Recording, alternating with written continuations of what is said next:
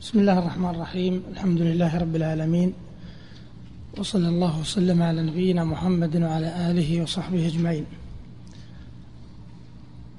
أما بعد فأشكر الله عز وجل أن يسر هذه اللقاءات التي يسأله تبارك وتعالى يجعلها مباركة نافعة خالصة لوجهه ثم الشكر موصول للإخوة القائمين على تنظيم هذه الدورة. ثم لكم فأنتم سبب هذه الدورة. الناس يأتون إليكم من طلاب العلم والمشايخ والمنظمون إنما ينظمونها لأجلكم فحضوركم من أكبر الدوافع والحوافز لاستمرار هذه الدورة. فجزاكم الله خيرا. على احتسابكم وصبركم في مثل هذه الأيام منكم الطالب الذي خرج من عناء الامتحانات ومنكم المعلم الذي لم يلقي عصا الترحال من التصحيح والتعب ومنكم الموظف ومنكم الذي له برامج في الصباح ومع ذلك تؤثرون المجيء فأسأل الله عز وجل ألا يحرمكم أجر هذه الدروس. هذا الدرس هو الأخير إن شاء الله تعالى. وقبل بداية الدرس لعلنا نراجع جميعا مراجعة لما مضى ثم لعلي أجيب على الأسئلة التي جاءت في الأمس وضاق عنها الوقت. كان الحديث في الدرس الماضي عن باب الإيمان وعن مسألة الإيمان عند أهل السنة والجماعة وحكم مرتكب الكبيرة. وكان الحديث عن أن الإيمان عند أهل السنة والجماعة يختلف عنه عند الخوارج والمرجئة. الخوارج والمرجئة الإيمان عندهم ماذا قلنا بالأمس؟ حقيقة واحدة أو مركبة؟ حقيقة واحدة إما أن يذهب كله وإما أن يبقى كله. هذا عند المرجة والخوارج. لكن الخوارج ماذا قالوا؟ قالوا إنه يزول بالكبيرة بالكبائر. والمرجئة قالوا لا يزول أبدا. لا يضر مع الإمام معصية كما لا يضر مع الكفر لا ينفع مع الكفر طاعة. طيب أهل السنة والجماعة الإيمان عندهم حقيقة مركبة. ما معنى هذا الكلام؟ نعم. يعني لا يلزم من زوال بعضه زوال كله بل هو يتجزأ ويتبعض. وكان التمثيل بأي شيء؟ بالشجرة. إذا قطع غصن من أغصانها تبقى. إذا قطع أصلها ذهبت. وكذلك التمثيل بالرقم عشرة تذكرون. إذا هم يقولون وش يقول هؤلاء الخوارج والمرجئة يقولون هو حقيقة واحدة كالرقم عشرة. إذا زال منه رقم خلاص انتفت حقيقته ولم يصبح يسمى عشرة. طيب مر بنا أن الإيمان عند أهل السنة والجماعة قول وعمل. نعم لعله يغني عن بعض الأسئلة الإجابة عن بعض الأسئلة إجابتكم. قول وعمل ما معنى قولهم قول وعمل؟ نعم. قول القلب واللسان وعمل القلب واللسان والجوارح. ما معنى قول القلب؟ قول القلب. نعم تفضل. اعتقاده وإقراره. طيب وقول اللسان؟ نعم. إيش؟ لا قول اللسان. نطقه بالشهادتين وإقراره بالإسلام إلى غير ذلك. طيب ما معنى قول قول القلب؟ نعم. قول القلب نعم. لا قوله وليس عمله قوله. نعم. لا قول القلب. ها. الاعتقاد والإقرار والتصديق. طيب. وعمل القلب ما هو؟ نعم. الخشية والمحبة والخوف والرجاء يعني القربات التي يكون طريقها القلب. طيب ما معنى عمل اللسان؟ نعم. طيب. من يأتينا بحديث يعني يشرح هذا التعريف؟ الحديث العظيمة. نعم. حديث إيش؟ حديث الشعب. فيه بيان لقول اللسان. بيان لعمل القلب. وبيان لعمل الجوارح. أين عمل؟ أين قول اللسان من هذا الحديث؟ نعم. أعلاها قول لا إله إلا الله. طيب. وأين عمل الجوارح؟ إماطة الأذى. وأين عمل القلب؟ نعم الحياة طيب. الفاسق الملي من هو؟ هذا ورد من الأسئلة تجيبون عن أنتم. الفاسق الفاسق الملي من هو؟ المنتسب إلى الملة ما خرج منها لكنه يرتكب بعض المخالفات. هل يخرج من الإسلام؟ هل ينفع عنه مطلق الإيمان؟ لا. كما يقول الشيخ حافظ الحكم رحمه الله والفاسق الملي ذو العصيان لم ينفع عنه مطلق الإيمان. طيب. ما الفرق بين الإيمان المطلق ومطلق الإيمان؟ يا أخوان نعم. الإيمان المطلق ومطلق الإيمان. نعم.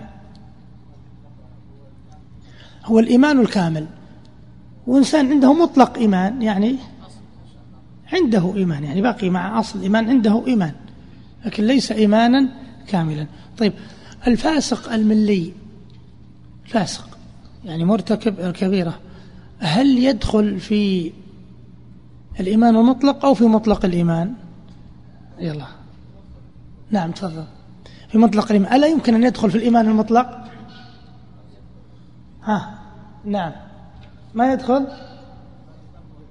بعض المرات. شلون بعض المرات هذه؟ اشرحها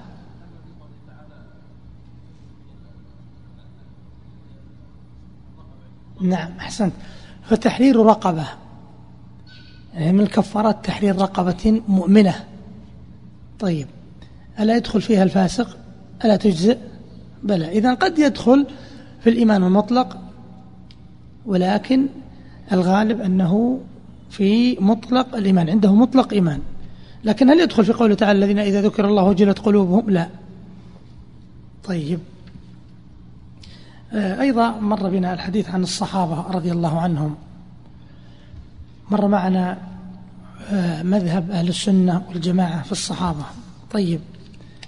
ما خلاصة عقيدة أهل السنة في الصحابة؟ أو ما الاعتقاد الحق فيهم؟ نعم. يلا يا إخوان. نعم.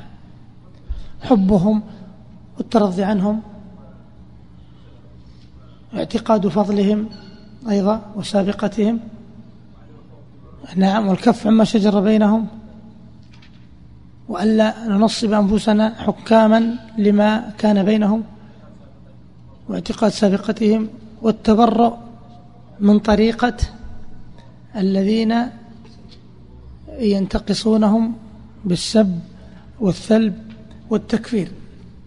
طيب يا إخوان أيضا مر بنا لوازم السب لوازم سب الصحابة.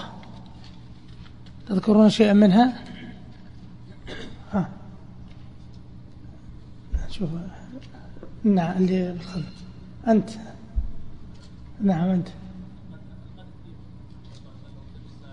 نعم القدح يتضمن القدح بالرسالة والقدح والطعن. الطعن في الناقل طعن في المنقول. وأيضا الشك في تربية الرسول صلى الله عليه وسلم. أيضا اليأس من تربية الإسلام لأصحابه. أيضا العبث بالنصوص الواردة في الثناء عليهم. أن هذه الأمة يعني يلزم ذلك أن هذه الأمة شر أمة أخرجت للناس. فإذا كان هؤلاء آه، خيار خيارهم فكيف يكون من بعدهم؟ طيب آه، مسألة تفضيل علي على عثمان أو عثمان على علي هل هي من أصول العقيدة؟ نعم. من فروع العقيدة لكن الخلافة صحة خلافة كل واحد منهم؟ من الأصول نعم. طيب. أيضا مر بنا الحديث عن كرامات الأولياء. الكرامة ما تعريفها؟ نعم. أمر خارق للعادة. يجريه الله على يد ولي من أوليائه. آه أكمل. نعم. معونة له على أمر ديني أو دنيوي. هذه هي الكرامة. طيب والمعجزة ما هي؟ أليست أمرا خارقا للعادة. ما الفرق بينه وبين الكرامة؟ نعم. المعجزة مقترنة بدعوى النبوة والكرامة غير مقترنة بدعوى النبوة. طيب آه، إن شاء الله نكمل الحديث عن الكرامة لأن ما انتهى الحديث. ثم عن خصائص أهل السنة بس أجيب عن الأسئلة. هذا يقول ما الفرق بين قول اللسان وعمل اللسان؟ فرق بين قول اللسان هو إقراره وعمل اللسان هو القربات التي تكون عن طريق اللسان الذكر والأمر معروف والنهي عن المنكر إلى غير ذلك. وضربنا مثالا تذكرون بالأمس يشمل هذه الأركان أركان التعريف نعم. الصلاة الله عز وجل سماها إيمان وما كان الله ليضيع إيمانكم يعني فيها قول القلب وعمل القلب قول اللسان وعمل اللسان وعمل الجوارح. طيب من قال من لم تدركه الموانع العشرة موانع انفاذ الوعيد فلا يلومن إلا نفسه؟ هذه اللي شيخ الإسلام رحمه الله قالها في الاستقامة وفي غيرها. هل من الممكن أن يسأل عن الإيمان المطلق ومطلق الإيمان مر. هل ممكن إعادة واجبنا في حق الصحابة؟ مر أيضا هذا معنى السؤال. يقول ما رأيك في مقولة أن اليهود أفضل من الرافضة؟ آه هذه يعني ترد أحيانا يعني يكون من وجه. هذه قالها ابن المبارك يقول أن اليهود آه لو قيل لهم من خيار الناس بعد الأنبياء لقالوا أصحاب موسى. ولو قيل للنصارى من خيار الناس بعد الأنبياء لقالوا حواري عيسى.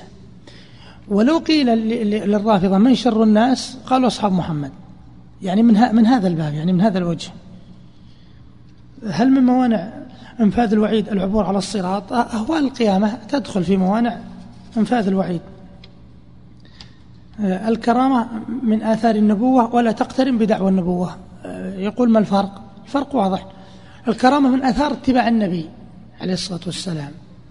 ولا تقترن بدعوى النبوة لأن الولي لا يدعيها الذي تجرى على يديه لا يدعي النبوة. إذا حصلت كرامة للشخص هل يجب أن يحدث بها؟ لا لا يجب وربما لا يستحب يعني قد يكون ابتلاء وفتنة له. ومر بنا أن أعظم الكرامة هي إيش؟ لزوم والاستقامة. أعظم الكرامة. ما معنى الفاسق الملي؟ مر معنا.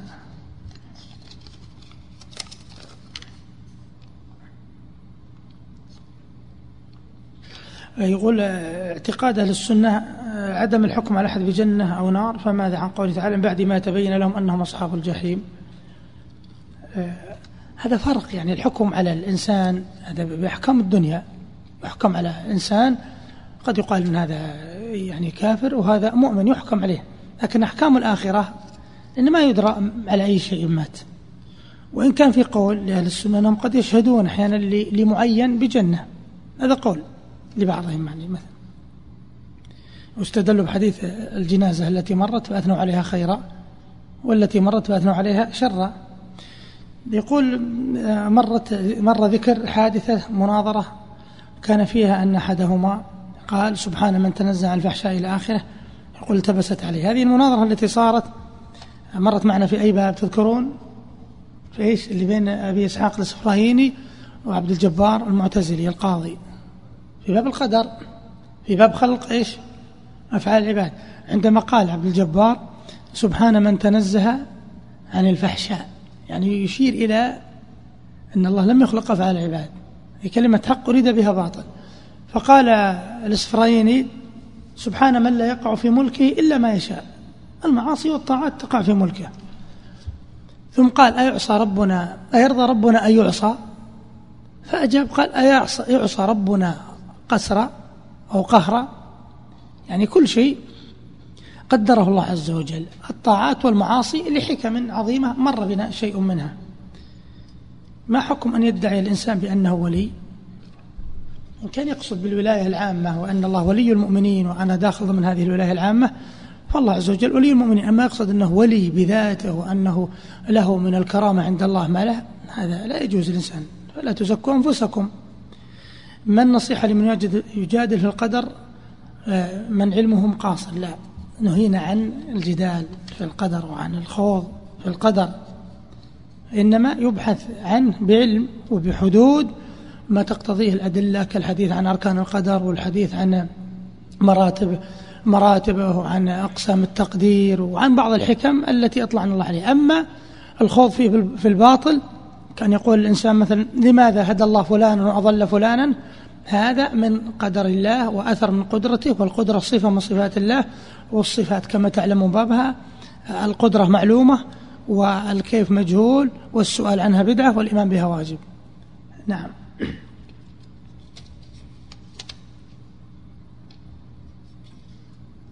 يقول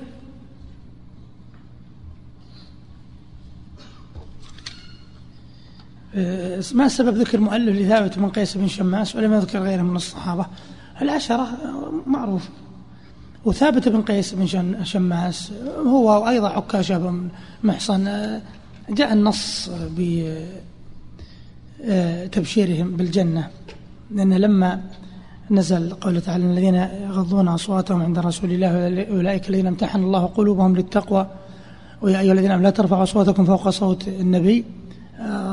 كبرت على ثابت بن قيس لأنه كان صاحب صوت جهوري وكان خطيبا مسقعة. ف يعني سأل النبي صلى الله عليه وسلم فقال أخشى أن أكون منهم. قال لا أنت لست منهم. هل أصحاب الرسول صلى الله عليه وسلم كلهم في الجنة. يقول ابن حزم أخذ من قوله تعالى وكل وعد الله الحسنى يقول كلهم في الجنة. نعم. هذا يسأل يقول من هم المستشرقون؟ هم قوم من أهل الكتاب. غزوا الشرق آه، بأفكارهم وكتبوا آه، عنه من خلال ما رأوه ونشروا. مجموعة من ألفوا وقرأوا كتب الشرق ولهم جهود جبارة. حتى بعضهم يحفظ القرآن الكريم كاملا ويحفظ الدواوين الشعرية ويحقق مثل ديوان رؤبة بن العجاج الذي لو قرأناه ما فهمناه. ومع ذلك يحققونه ويدأبون الليل والنهار في سبيل النيل من هذه الأمة وكيف يصلون إلى إذلالها وإلى غزوها؟ يعني وما يعرف بالغزو الفكري. هم أدمغة الاستعمار. المستشرقون باختصار هم أدمغة الاستعمار ويوجد فيهم يعني بعض المنصفين لكن الغالب أن هذه هي رسالتهم. يقول هناك حديث للرسول صلى الله عليه وسلم هناك زمان يأتي بعد تضاعف فيه الحسنات. فكيف تضاعف آه، عن أجل الحسنات في زمن النبي صلى الله عليه وسلم؟ اللي حديث القابض على دينك القابض على الجمر واللي له أجر خمسين صحابي لكن فضل الصحبة لا يعدي له شيء. يعني في قلوبهم من الإخلاص ما يجعل أعمالهم أعمالهم تتضاعف. يقول كيف يفرق بين المصائب والابتلاء والعقاب؟ قد يأتي قد يكون الإنسان مؤمنا ويلم ببعض المخالفات ثم تأتي بعض المصائب فيحتسبها على الله فتكون كفارة. وبعض الناس قد يكون مصرا ومجاهرا فتأتيه بعض هذه المصائب وتكون من العقوبة الدنيوية ومن التنبيه له.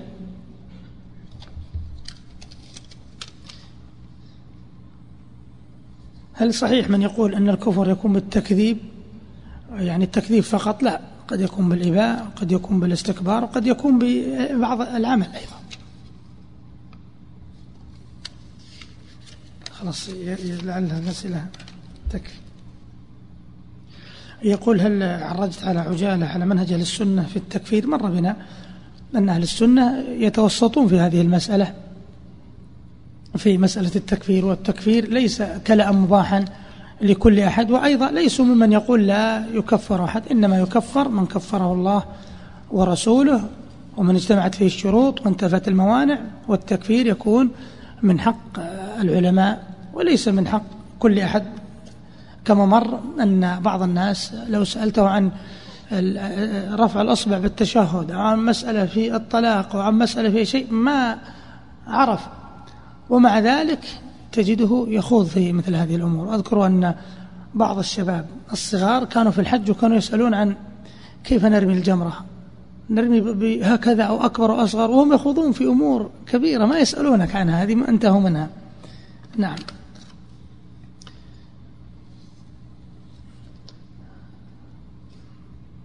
خلاص.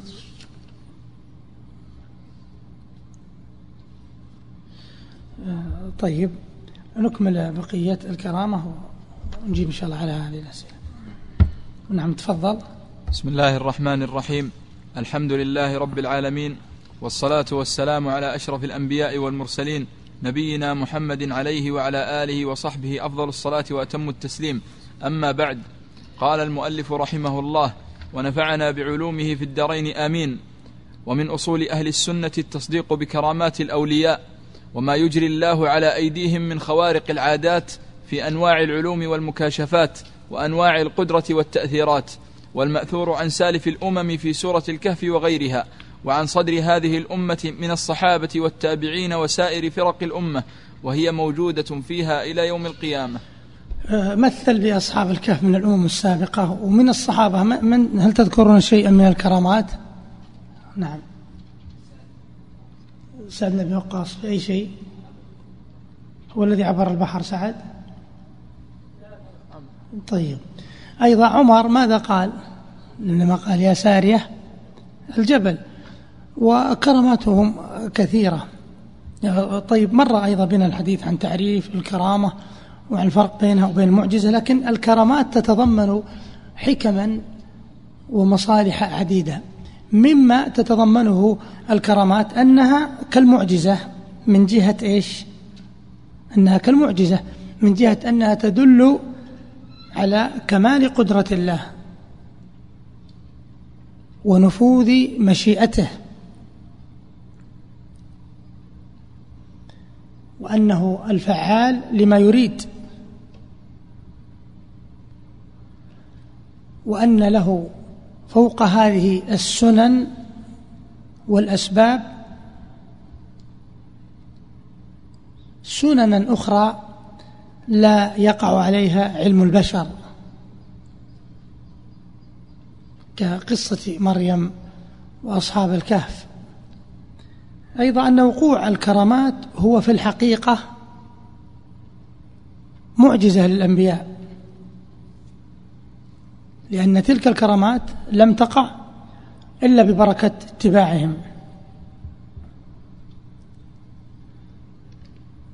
ثالثا أن هذه الكرامات من البشرى التي يعجلها الله لأوليائه في الدنيا.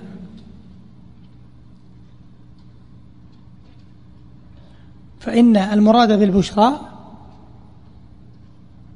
كل أمر يدل على ولايتهم وحسن عاقبتهم.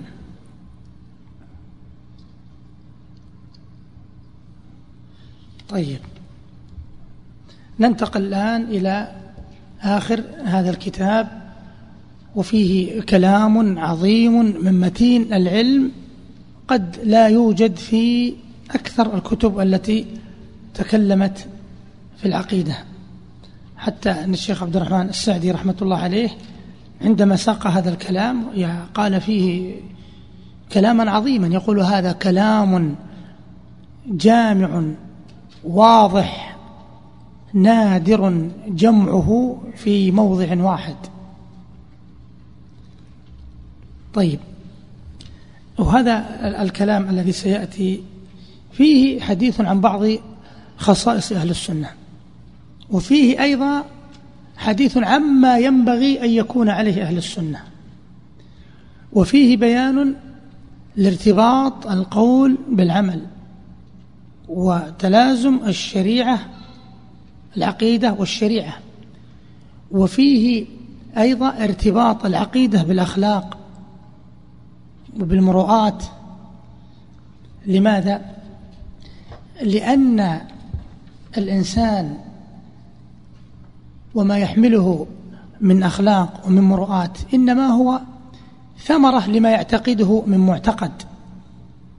نعم فالانحراف في السلوك إنما هو ناتج عن انحراف في الأخلاق والعكس. فيه إشارات إلى أمور عظيمة يتحلى بها أهل السنة والجماعة وينبغي وربما يجب على بعض أو على من انتسب إلى السنة حقا أن يكون كذلك. هذه هي أخلاقهم التي فتحوا بها القلوب قبل البلاد والأرواح قبل الأشباح. أخلاق عظيمة يحسن بنا أن نتمثلها. وأن نعرفها قبل ذلك نظريا وأن نطبقها في حياتنا مع أنفسنا ومع أهلينا ومع إخواننا ومع طلابنا ومع أساتذتنا ومع الناس جميعا. نعاملهم بما أمر الله تبارك وتعالى من العدل والفضل والإحسان والرحمة إلى غير ذلك لأن أهل السنة والجماعة يعرفون الحق ويرحمون الخلق فهم أعدل الناس وهم أرحم الناس بالناس. وهذا شيء من بعض صفاتهم والإفاضة في صفاتهم يطول كثيرا. وهذه النماذج طبقها سلفنا الصالح. فكانوا قدوة لمن جاء بعدهم ومثلا عليا يحتذي يحتذيهم ويتمثل بهم كل من أراد السعادة والفلاح في الدنيا. نعم.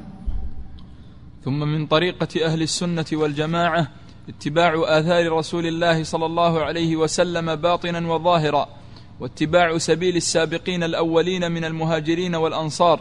نعم لأن الله عز وجل يقول ومن يشاقق الرسول من بعد ما تبين له الهدى ويتبع غير سبيل المؤمنين نوله ما تولى. وسبيل المؤمنين هم الصحابة ومن تبعهم بإحسان. نعم.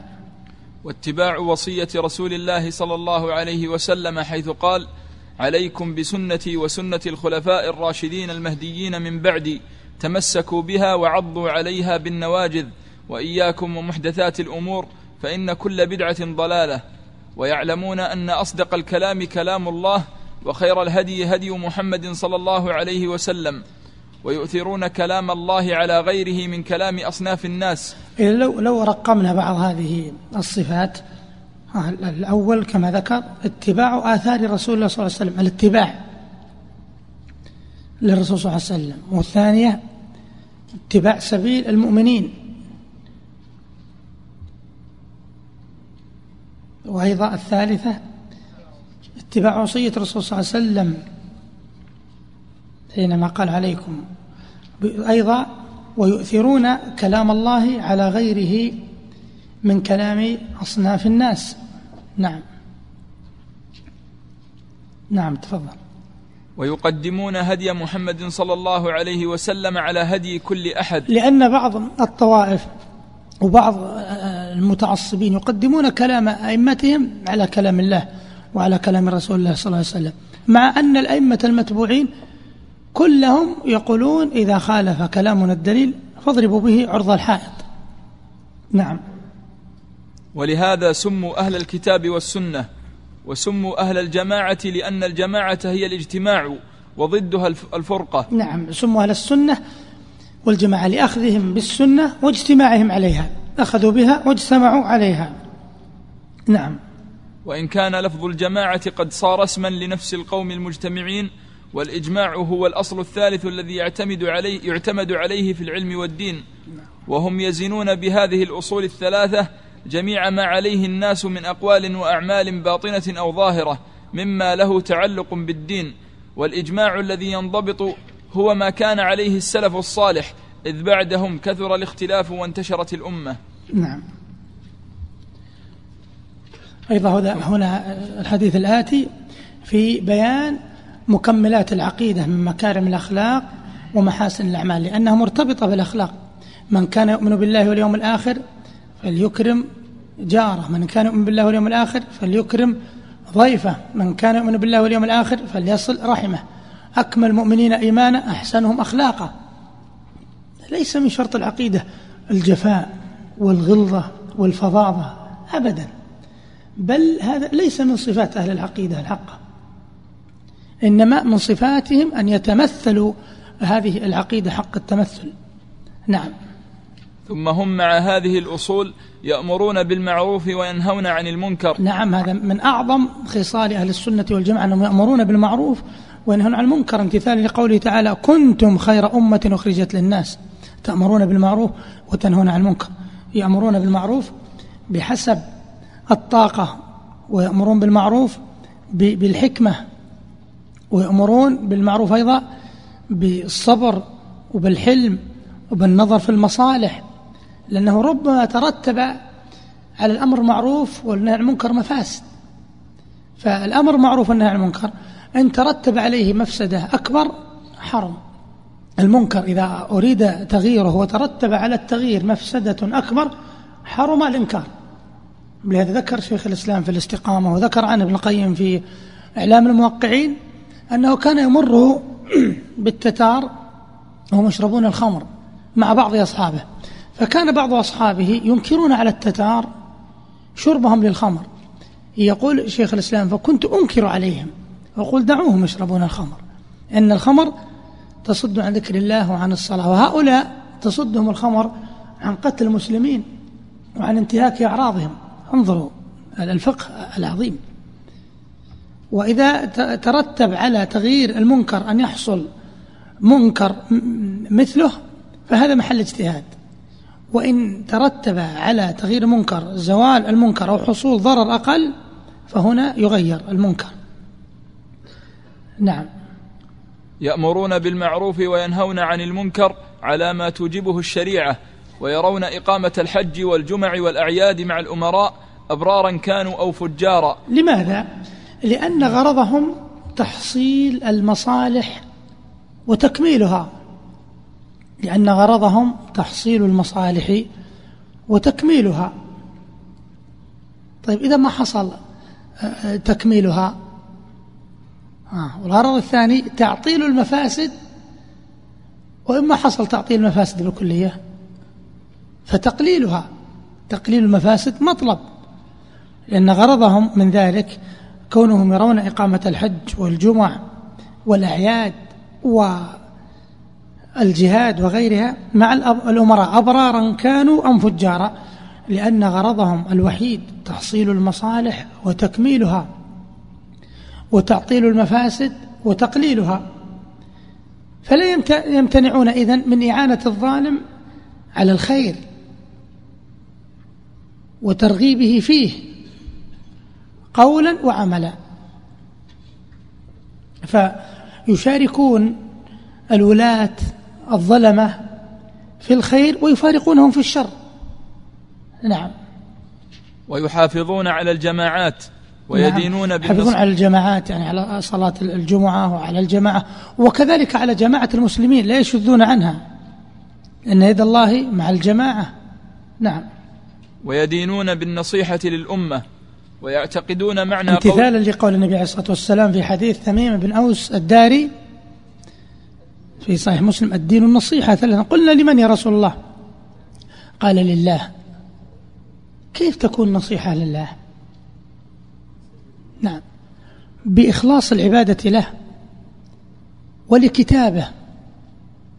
بأي شيء تكون نصيحة لكتاب الكتاب نعم.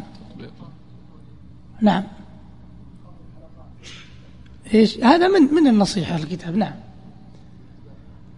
بالعلم بما فيه وبتلاوته والعمل والدعوة إليه إلى غير ذلك. طيب ولرسوله صلى الله عليه وسلم بمحبته واتباعه.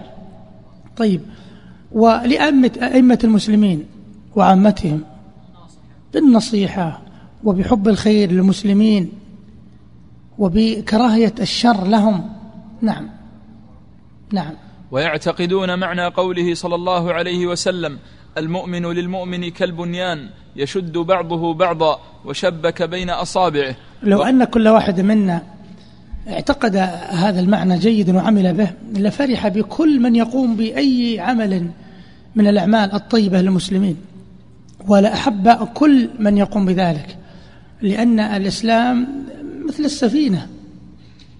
وكل واحد منا يساهم في سيرها ويحزن لتوقفها. والعلماء يسمون السنة سفينة نوح من ركبها سلم. فهي مثل السفينة وهي الأمة إن هذه وأن هذه أمتكم أمة واحدة. فهم كالبنيان يشد بعضه بعضا. لا يفترق بعضه عن بعض لا.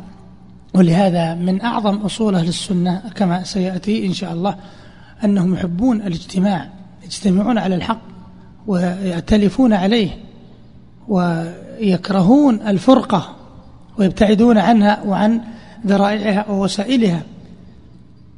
ولهذا حتى إذا حصل بينهم خلاف هم خير الناس حتى في حال الخلاف حتى في حال الخلاف. الصحابة رضي الله عنهم مع ما كان بينهم من الفتنة والقتال إلا أن بعضهم لم يكفر بعضا ولم يبدع بعضا ولم يفسق بعضا بل كانوا يترحمون على بعض بل ندموا أشد الندم لما حصل بينهم. لكنها فتنة ابتلاهم الله عز وجل بها وابتلى الأمة من بعدهم بها. حتى علي رضي الله عنه مع ما حصل بينه وبين معاوية آه، يذكر أن رجلا أتى ونال من علي فغضب عليه معاوية أشد الغضب وأثنى على علي ثناء عاطرا. ولما أنشد في يوم من الأيام في مجلس علي رضي الله عنه أنشد أبياتا من أعظم أبيات المديح. قيلت في رجل يقول فيها القائل يمدح ممدوحه فتى كان يدنيه الغنى من صديقه. إذا ما هو استغنى ويبعده الفقر. يقول إذا اغتنى يقترب من أصدقائه حتى يعطيهم وإذا افتقر يبتعد حتى لا يحرجهم بحاجته.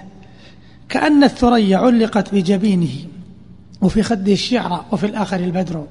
فقال علي رضي الله عنه ذاك والله طلحة بن عبيد الله وإن كان السيف لا يلتئد مجردا بينهما. بينهم السيف مجرد لكن ما نسي العدل ولا نسي الفضل بينهم فهم خير الناس. هذه هي أخلاقهم حتى في حال الخلاف. وأيضا بعضهم يشهد لبعض ويحب بعضهم بعضا. ابن مسعود على سبيل المثال ومعاذ بن جبل رضي الله عنهما من أكابر علماء الصحابة. انظروا إلى ثناء بعضهم على بعض. شو يقول ابن مسعود معاذ؟ يقول كان أمة قانتة لله حنيفا كنا نشبهه بإبراهيم الخليل. انظروا. ما النتيجة؟ النتيجة أننا نحبهم جميعا ونكبرهم جميعا. وإذا سمعنا هذا المادح ربما يكون إكبارنا للمادح قد يكون أكبر من إكبارنا للممدوح مع أن هذا يستحق. ليش؟ لأن هذا ما تكلم ولا أثنى إلا عن نفس طاهرة زكية لا تستنكف من العدل والإنصاف والثناء. نعم. وقوله صلى الله عليه وسلم مثل المؤمنين في توادهم في توادهم وتراحمهم وتعاطفهم كمثل الجسد إذا اشتكى منه عضو تداعى له سائر الجسد بالحمى والسهر ويأمرون بالصبر عند البلاء والشكر عند الرخاء والرضا بمر القضاء. نعم. هذه من صفاته امتثالا لقول النبي عليه الصلاة والسلام كما في حديث صهيب في صحيح مسلم عجبا لأمر المؤمن إن أمره كله له خير. إن أصابته سراء وهي اسم جامع لكل ما يسر شكر فكان خير له. استعان به على طاعة الله. وإن أصابته ضراء وهي اسم جامع لكل ما يضر صبر فكان خيرا له. وليس ذلك إلا للمؤمن. وأيضا يرضون بمر القضاء ويلازمون الاعتدال في السراء والضراء. لا تبطرهم النعمة ولا تقنطهم المصيبة. كما يقول عبد العزيز بن زرارة الكلابي رحمه الله من خيار التابعين يصف حاله ويتنطبق على حال يعني الخيار من هذه الأمة. يقول قد عشت في الدهر أطوارا على طرق شتى. فصادفت منها اللين والبشعة كلا بلوت فلا النعماء تبطرني ولا تخشعت من لأوائها جزعا. لا يملأ الهول قلبي قبل وقعته ولا أضيق به ذرعا إذا وقع. هذه هي حالهم نعم. ويدعون إلى مكارم الأخلاق ومحاسن الأعمال ويعتقدون معنى قوله صلى الله عليه وسلم أكمل المؤمنين إيمانا أحسنهم خلقا. ويندبون إلى أن تصل من قطعك وتعطي من حرمك وتعفو عمن ظلمك. يعني هذا تفسير آه، أعظم آية في القرآن في الأخلاق. بل آية جمعت مكارم الأخلاق هذا هو تفسيرها. أن تصل من قطعك وتعطي من حرمك وتعفو عن من ظلمك. ما هذه الآية؟ اللي يعرفها له جائزة. آه ما شاء الله. إن الجوائز كالمراهم. تجبر القلب النؤوم. نعم. آه ما هي الآية؟ نعم أنت. أحسنت خذ العفو وأمر بالعرف وأعرض عن الجاهلين. وين الجوائز يا أخوان؟ خلص لك جائزة. كثرة الديون عندنا. عندنا الآن ثلاث جوائز. ثلاث؟ طيب. لا تأتينا إن شاء الله. إي نعم. إذا ما تفسير هذه الآية؟ خذ العفو وأمر بالعرف وأعرض عن الجاهلين. هذه الآية في ثلاث مواطن من القرآن. في من يعددها لنا؟ هذا المعنى. خذ العفو وأمر بالعرف وأعرض عن الجاهلين. في ثلاث آيات من كتاب الله. الذي يعددها له جائزة. نعم. خذ العفو وأمر بالعرف وأعرض عن الجاهلين. وإما ينزغنك من الشيطان نزغ فاستعذ بالله. إنه سميع عليم. يقول الشيخ الشنقيطي رحمة الله عليه هذه الآية خذ العفو علاج لشياطين الإنس والتي بعدها علاج لشياطين الجن. ورد هذا المعنى في ثلاثة مواطن. الموطن الأول في الأعراف. طيب والثاني والثالث في أين؟ واحد بس. أجبت ما, ما له نعم هذا المعنى. وين ورد؟ نعم. المؤمنون ما الآية؟ ها. أنت فرقت خلاص ما عادي نعم. أعيد السؤال. ما سبحان إذا جت الجائزة هذا المعنى خذ العفو وأمر بالعرف وأعرض عن الجاهلين. وإما ينزغنك من الشيطان نزغ فاستعذ بالله إنه سميع عليم. ورد هذا المعنى في القرآن في ثلاثة مواطن. الأول في الأعراف. ها الآية هذه.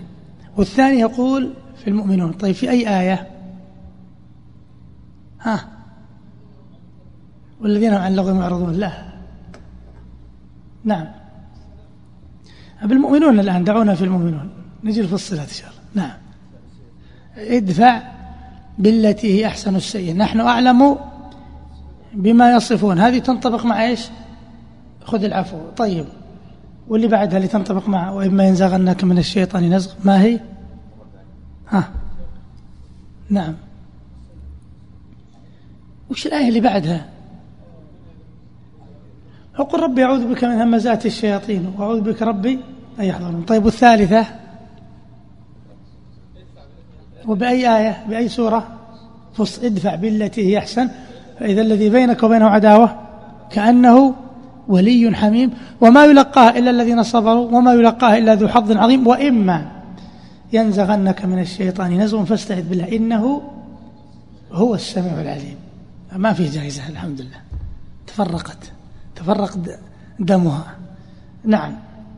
طيب. تفضل. ويأمرون ببر الوالدين. نعم. وقد تمثلوا هذا المعنى. خير التمثل. أبو هريرة كان من أبر الناس بوالدته رضي الله عنه وأرضاه. كان لما كان على المدينة إذا دخل البيت قال السلام عليك ورحمة الله وبركاته. فتقول عليك السلام ورحمة الله وبركاته. فيقول رحمك الله كما ربيتني صغيرا. فتقول ورحمك الله كما بررتني كبيرا. ربما هذه الدعوات من أعظم الأسباب التي جعلته راوية الإسلام الأول مع أنه أسلم في السنة السابعة. انظروا. وكذلك التابعون. زين العابدين رحمه الله كان أبر أهل زمانه بأمه وكان لا يؤكلها قيل له لماذا قال أخشى أن تسبق يدي إلى لقمة تشتهيها فأكون عققتها. وابن سيرين إذا جلس عند أمه أصبح يتضرع ينتفض فيقال لماذا؟ أيشتكي شيء؟ قال لا ولكن هكذا يكون عند أمه. كان إذا سافر يشتري لها آه، الألبسة ويصبغها بالصبغ لأن أمه كانت تحب الصبغ. وبندار المحدث ترك الرحلة لطلب الحديث كما يقول الذهبي برا بأمة. يقول فبورك لي فيه. ما خرج إلا بعد أن ماتت. انظروا هذه الصور العظيمة. والواحد منا سبحان الله في المنزل يجد الوالدان من الجفاء ويجد النصب إذا دخل البيت خافوا منه. وإذا أراد أن يخرج هذا إذا أراد أن يصور البر يسأل أمه. هل تريدون من, من حاجة ثم يخرج قبل أن تجيب؟ هل هذا بر لا ينبغي أن أن يبرهما وأن يخفض لهما جناح الذل من الرحمة وأن يحسن صحبة الوالدين لأنهما من أعظم نعم الدنيا. أن أن تدرك تدركهما أو تدرك أحدهما. وهناك صور من العقوق. بعض الشباب ما يطيب له النزاع مع إخوانه إلا عند والديه. إذا جلسوا على الغداء بدأت المشكلات. ما علم أن الأم تنزعج والأب ينزعج كذلك. وبعضهم كذلك يشوه سمعة الوالدين وهذا من العقوق. بل بعض العلماء عد الأنين عند الوالدة من العقوق. إذا كانت أف هذه عقوق فكيف بغيرها؟ صور العقوق كثيرة وصور البر كثيرة كذلك. التلطف والمحادثة من لذات الدنيا المحادثة. أعرف بعض العلماء الموجودين الآن عمره يزيد على السبعين سنة يستشير والديه في كل شيء ويلاطفهم حتى في أمور ربما لا تخطر على البال. كيف نبني المنزل؟ يريد بس أن يستنير بأي شيء منهما. ومن البر وهذا يغفل عنه كثير من الناس الإحسان بالمال. الإحسان بالمال. أنت الرابح الأول. كم من الناس من يقول والله إنني من أشد الناس خرقا وتفريطا في المال. لكن سبحان الله الدنيا تأتيه. ما يعزوه إلا يقول منذ أن ملكت المال ولم أخلي أمي من عطاء. والدي كذلك. وبعض الناس يقول أنا عندي أخوان ربما يعطونهم. والدي يأتيه راتب أو أمي ربما تعطيها أخواتي أو الأخت تقول يعطيها أخواني. وربما تجلس وهي قليلة ذات اليد. ماذا تفعل بالأموال؟ لك ولأولادك. فعلى الإنسان أن لا يحرم نفسه من العطاء ولو يخصص عطاء شهريا ولو قل. ألف ريال إذا كان موظف راتبه بالآلاف أو خمسمائة ريال أو مئة ريال يعطيها. يبارك الله له في ماله مع ما فيه أيضا وهو الأصل من الأجر الأخروي. إذا يأمرون ببر الوالدين وبر الوالدين قرين التوحيد وعقوقهما قرين للشرك. إذا هذا من صفات أهل السنة والجماعة بر الوالدين. نعم. وصلة الأرحام. وكذلك يأمرون بصلة الأرحام امتثالا لقول النبي عليه الصلاة والسلام في الحديث المتفق عليه من سره وفي رواية من أحب أن يبسط له في رزقه وينسأ له في أثره فليصل رحمه. وخوفا من العقوبة فهل عسيتم إن توليتم أن تفسدوا في الأرض وتقطعوا أرحامكم؟ أولئك الذين لعنهم الله فأصمهم أعمى أبصارهم. إذا يتمثلون هذا الخلق الكريم وهذا الأمر السماوي العظيم. وصور الصلة كثيرة الصلة بالمال الصلة بالجاه الصلة بالاتصال بالبشاشة بسلامة الصدر بالنصيحة بدعوتهم إلى الخير بتوقير غنيهم ووجيههم وإنزاله منزلته بالرحمة بفقيرهم بحب الخير لهم. وتكون كذلك يعني بالاجتماعات فيما بينهم على ألا تكون اجتماعات يقصد بها العصبية والعبية إنما تكون تعاون على البر والتقوى. وهناك صور العقوق وأسباب من أسباب القطيعة تأخير قسمة الميراث تتأخر أحيانا يكون بين الناس شحناء. وكذلك الشراكة إذا ما قامت على أصول. والحديث عن الصلة يعني يطول. إذا من صفات أهل السنة أنهم يأمرون بصلة الأرحام. نعم. وحسن الجوار. وحسن الجوار. يحسنون التعامل مع الجيران. لا كحال من يؤذي جيرانه أو لا يعرفهم. حقوق الجار ترجع إلى الإحسان إليه وكف الأذى عنه والدفاع عن الجار وتحمل أذاه. تحمل الأذى من الإحسان إلى الجار. وقد ضرب السلف أروع الأمثلة. في حسن الجوار. يذكر أن سعيد بن العاص لما باع داره حزن الجيران عليه حزنا شديدا. فما رجل كان جارا لسعيد بن العاص فاشتريت منه الدار. فلما أرادوا أن يعطوه الثمن وكان باهظا. قالوا طيب وجوار سعيد بن العاص بكم؟ قالوا ما علمنا جوارا يباع. قال لا أفارق جارا. إذا فارق إذا لقيني هش لي وإذا سألته أعطاني وإذا لم أسأله ابتدرني وبدأ يثني عليه. لا والله لا أبيعه. فلما علم سعيد بن العاص أعطاهم قيمة الدار نعم. وخصوصا إذا كان الجار ذا فضل أو كان ذا علم ولهذا كان يعني الأكابر والفضلاء من الناس يقدرون هذا الجار. بل البلد كله يحزن إذا أراد فراقهم.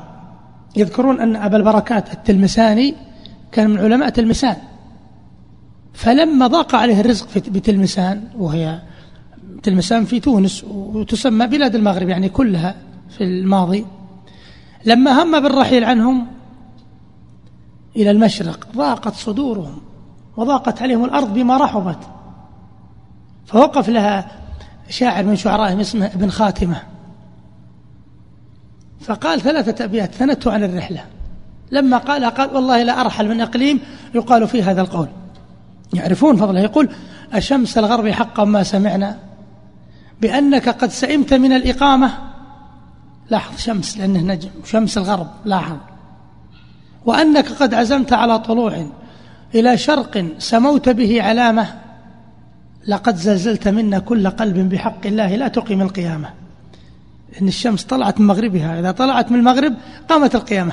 وهذا شمس المغرب إذا طلع من المغرب قامت قيامة قلوبهم. إذا كانوا يقدرون هذه المعاني قدرها. وما زال جبريل يوصيني بالجار حتى ظننت أنه سيورثه. نعم. والإحسان إلى اليتامى والمساكين وابن السبيل والرفق بالمملوك. نعم هذه أيضا من صفاتهم أنهم يحسنون باليتامى لأن الله عز وجل أمر بالإحسان إلى اليتامى وأمر كذلك بالإحسان إلى المساكين وابن السبيل. بل هؤلاء المساكين وابن السبيل من أصناف الزكاة. نعم. والرفق بالمملوك كذلك. نعم. إخوانكم خوالكم نعم. وينهون عن الفخر والخيلاء والبغي والاستطالة على الخلق بحق أو بغير حق. بحق أو بغير حق لأن من صفات المؤمن الحق التواضع. لأن ما به من فضل فمن الله وما أوتي من أوتيت من العلم إلا قليلا. تواضع. وما ما تواضع أحد لله إلا رفعه. نعم. ويأمرون بمعالي الأخلاق وينهون عن سفسافها. نعم. يأمرون بالأخلاق العالية من المروءات والعفو والصفح والإكرام والإنعام. وينهون عن استفسافها واستفساف رديء الأخلاق ومرذولها وحقيرها. نعم. وكل ما يقولونه ويفعلون وكل ما يقولونه, وكل ما يقولونه ويفعلونه من هذا وغيره فإنما هم فيه متبعون للكتاب والسنة. أيضا من من من صفاتهم ومن خصائصهم مما يذكره العلماء. بياض الوجوه. يوم تبيض وجوه وتسود وجوه. يقول ابن عباس تبيض وجوه أهل السنة والجماعة وتسود وجوه أهل الفرقة. وقد ذكر شيخ الإسلام رحمه الله أن أهل السنة كلما كبروا ازداد بهاؤهم ونورهم. بخلاف يقول أهل البدعة والفجور. مثل بالترك ومثل بأهل البدع بالرافضة يقول. حتى ذكر قال إنه كلما كبر الرافضي قوي شبهه بالخنزير. وقد تواتر أن منهم من مسخ خنزيرا. يقوله هكذا بالاستقامة. نعم. يقول تجد الواحد في أول عمره من هؤلاء قد يكون يبهر من حسن منظره لكن تغلب عليه الأعمال وعلى الفتى لطباعه سمة تلوح على جبينه. نعم. وطريقتهم. وأيضا من صفاتهم أو مما لهم من الفضائل البشرى عند الممات. وكذلك هم موعودون في بالنجاة ومن صفاتهم التوافق في وجهات النظر. انظر إلى تعريف الإيمان. في أماكن بعيدة عرفوا الإيمان أحيانا بنص العبارة. لماذا؟ لأن المصدر واحد. أيضا من صفاتهم أنهم ينالون في المدة القصيرة من حقائق العلوم والأعمال ما لا يناله غيرهم في قرون وأجيال. في قرون هذا أشار شيخ الإسلام في نقض المنطق في أول في الصفحة الثامنة. وأيضا بالاستقامة تذكرون أنه يقول من عبد الله بما شرع فتح عليه في مدة قريبة. هذه هذه من صفاتهم. من صفاتهم كما قال بعض العلماء أنهم إذا قعدت بهم أعمالهم قامت بهم عقائدهم. لأن عقائدهم مبنية على الإخلاص والإخلاص ينمي الأعمال. وأهل البدع إن قامت بهم أعمالهم قعدت بهم عقائدهم. وأيضا من صفاتهم كما مر العدل ومن صفاتهم الحرص على جمع الكلمة ومن صفاتهم البعد عن الجدال المذموم. ومن صفاتهم الوسطية وتتجلى في كثير من الأبواب وقد مر شيء منها. ومن صفاتهم كذلك الكرم ورفض التأويل المذموم والجمع بين العلم والعبادة والجمع بين العقل والعاطفة والجمع بين النصوص في المسألة الواحدة ورد المتشابه إلى المحكم. ومن صفاتهم أيضا الجمع بين التوكل على الله والأخذ بالأسباب ومن صفاتهم السلامة من الحيرة والاضطراب كما يوجد عند المبتدعة. ومن صفاتهم سلامتهم من تكفير بعضهم بعضا. ومن صفاتهم أن ما عندهم من شر وغلط وخطأ فعند غيرهم أضعافه. وما عند غيرهم من خير فعندهم أضعاف أضعافه. يعني ما عند غيرهم من شجاعة فعند أهل السنة خير منه. ما عند غيرهم من علم فعند أهل السنة العلم. وأيضا من صفاتهم الجمع بين التوسع في الدنيا والزهد بها كما كان حال بعض السلف. وأيضا الجمع بين الخوف والرجاء والحب. وأيضا الجمع بين الرحمة واللين والشدة والغلظة. كل شيء في موضعه. وأيضا أنهم وسط في التعامل مع الأولياء ومع الأئمة ومع العلماء ومع الولاة وسط بين المفرطين والمفرطين وأيضا لا يختلفون في مسائل الاعتقاد وأيضا يأخذون بأوامر الإسلام في المنشط والمكره وأيضا العمل على مرضاة الله بكل وقت بما هو مرتضى مقتضى ذلك الوقت.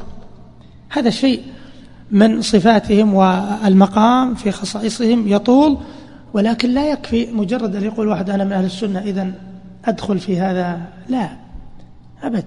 لابد أن يتمثل الإنسان هذه الصفات وهذه الأخلاق حق التمثل وأن يأطر نفسه عليها حتى يكون من أهل السنة الحقة لينتفع بذلك في الدنيا وليقتدي به غيره هنا وأيضا ليلقى الله بالعمل الصالح العظيم يوم لا ينفع مال ولا بنون. نعم. وطريقتهم هي دين الإسلام الذي بعث الله به محمدا صلى الله عليه وسلم. لكن لما لكن لما أخبر النبي صلى الله عليه وسلم أن أمته ستفترق على ثلاث وسبعين فرقة كلها في النار إلا واحدة وهي الجماعة. وفي حديث عنه أنه قال هم من كان على مثل ما أنا عليه اليوم وأصحابي. صار المتمسكون بالإسلام المحض الخالص يعني الشوب هم أهل السنة والجماعة. يعني الشوب الشواب يعني المحض الخالص من البدعة وغيرها. نعم. وفيهم الصديقون والشهداء والصالحون ومنهم أعلام الهدى ومصابيح الدجى أولو المناقب المأثورة والفضائل المذكورة. وفيهم الأبدال وفيهم أئمة الدين الذين أجمع المسلمون على هدايتهم. نعم الأبدال هم الأولياء والعباد. سموا بذلك لأنه كلما مات أحد منهم أبدل بآخر. نعم. نعم. و وهم الطائفة المنصورة الذين قال الله في الذين قال فيهم النبي صلى الله عليه وسلم لا تزال طائفة من أمتي على الحق منصورة لا يضرهم من خالفهم ولا من خذلهم حتى تقوم الساعة فنسأل الله أن يجعلنا منهم وأن لا يزيغ قلوبنا بعد إذ هدانا وأن يهب لنا من لدنه رحمة إنه هو الوهاب وصلى الله على محمد وآله وصحبه وسلم تسليما كثيرا. نعم. اللهم صل وسلم على محمد وجزاكم الله خير الجزاء ونسأل الله عز وجل أن ينفعنا بما يقال ويسمع وأن يجزي شيخ الإسلام خير الجزاء وأن يجعلها ذخرا له يوم يلقاه. وبهذا ننتهي من هذه العقيدة المباركة ومن هذه الدورة في هذا الكتاب. وإن شاء الله يكون آه، من يوم السبت إن شاء الله إكمال لقطر الندى يكون الفجر وبعد الظهر إن شاء الله تعالى. هذا يسأل يقول لو سمحت أريد يعني تعطينا بعض الأبيات الجاهلية في القدر. مر بنا أن القدر أمر فطري كان من به الجاهلية. من ذلك مثلا قول عمرو بن كلثوم وأن سوف تدركنا المنايا مقدرة لنا ومقدرين. كذلك قول أمر القيس إن الشقاء على الأشقين مكتوب. وكذلك قوله تجري المقادير على غرز الإبر ما تنفذ الإبرة إلا بقدر. وكذلك قول عنترة يا عبل أين من المنية مهربي إن كان ربي في السماء قضاها. وكذلك قول طرفة بن العبد فلو شاء ربي كنت قيس بن خالد ولو شاء ربي كنت عمرو بن مرثدي وكذلك قول زهير ولا تكتمن الله ما في نفوسكم ليخفى ومهما يكتم الله يعلم يؤخر فيوضع في كتاب فيدخر ليوم الحساب أو يعجل فينقم. كلام يطول في هذا. صلى الله وسلم على نبينا محمد.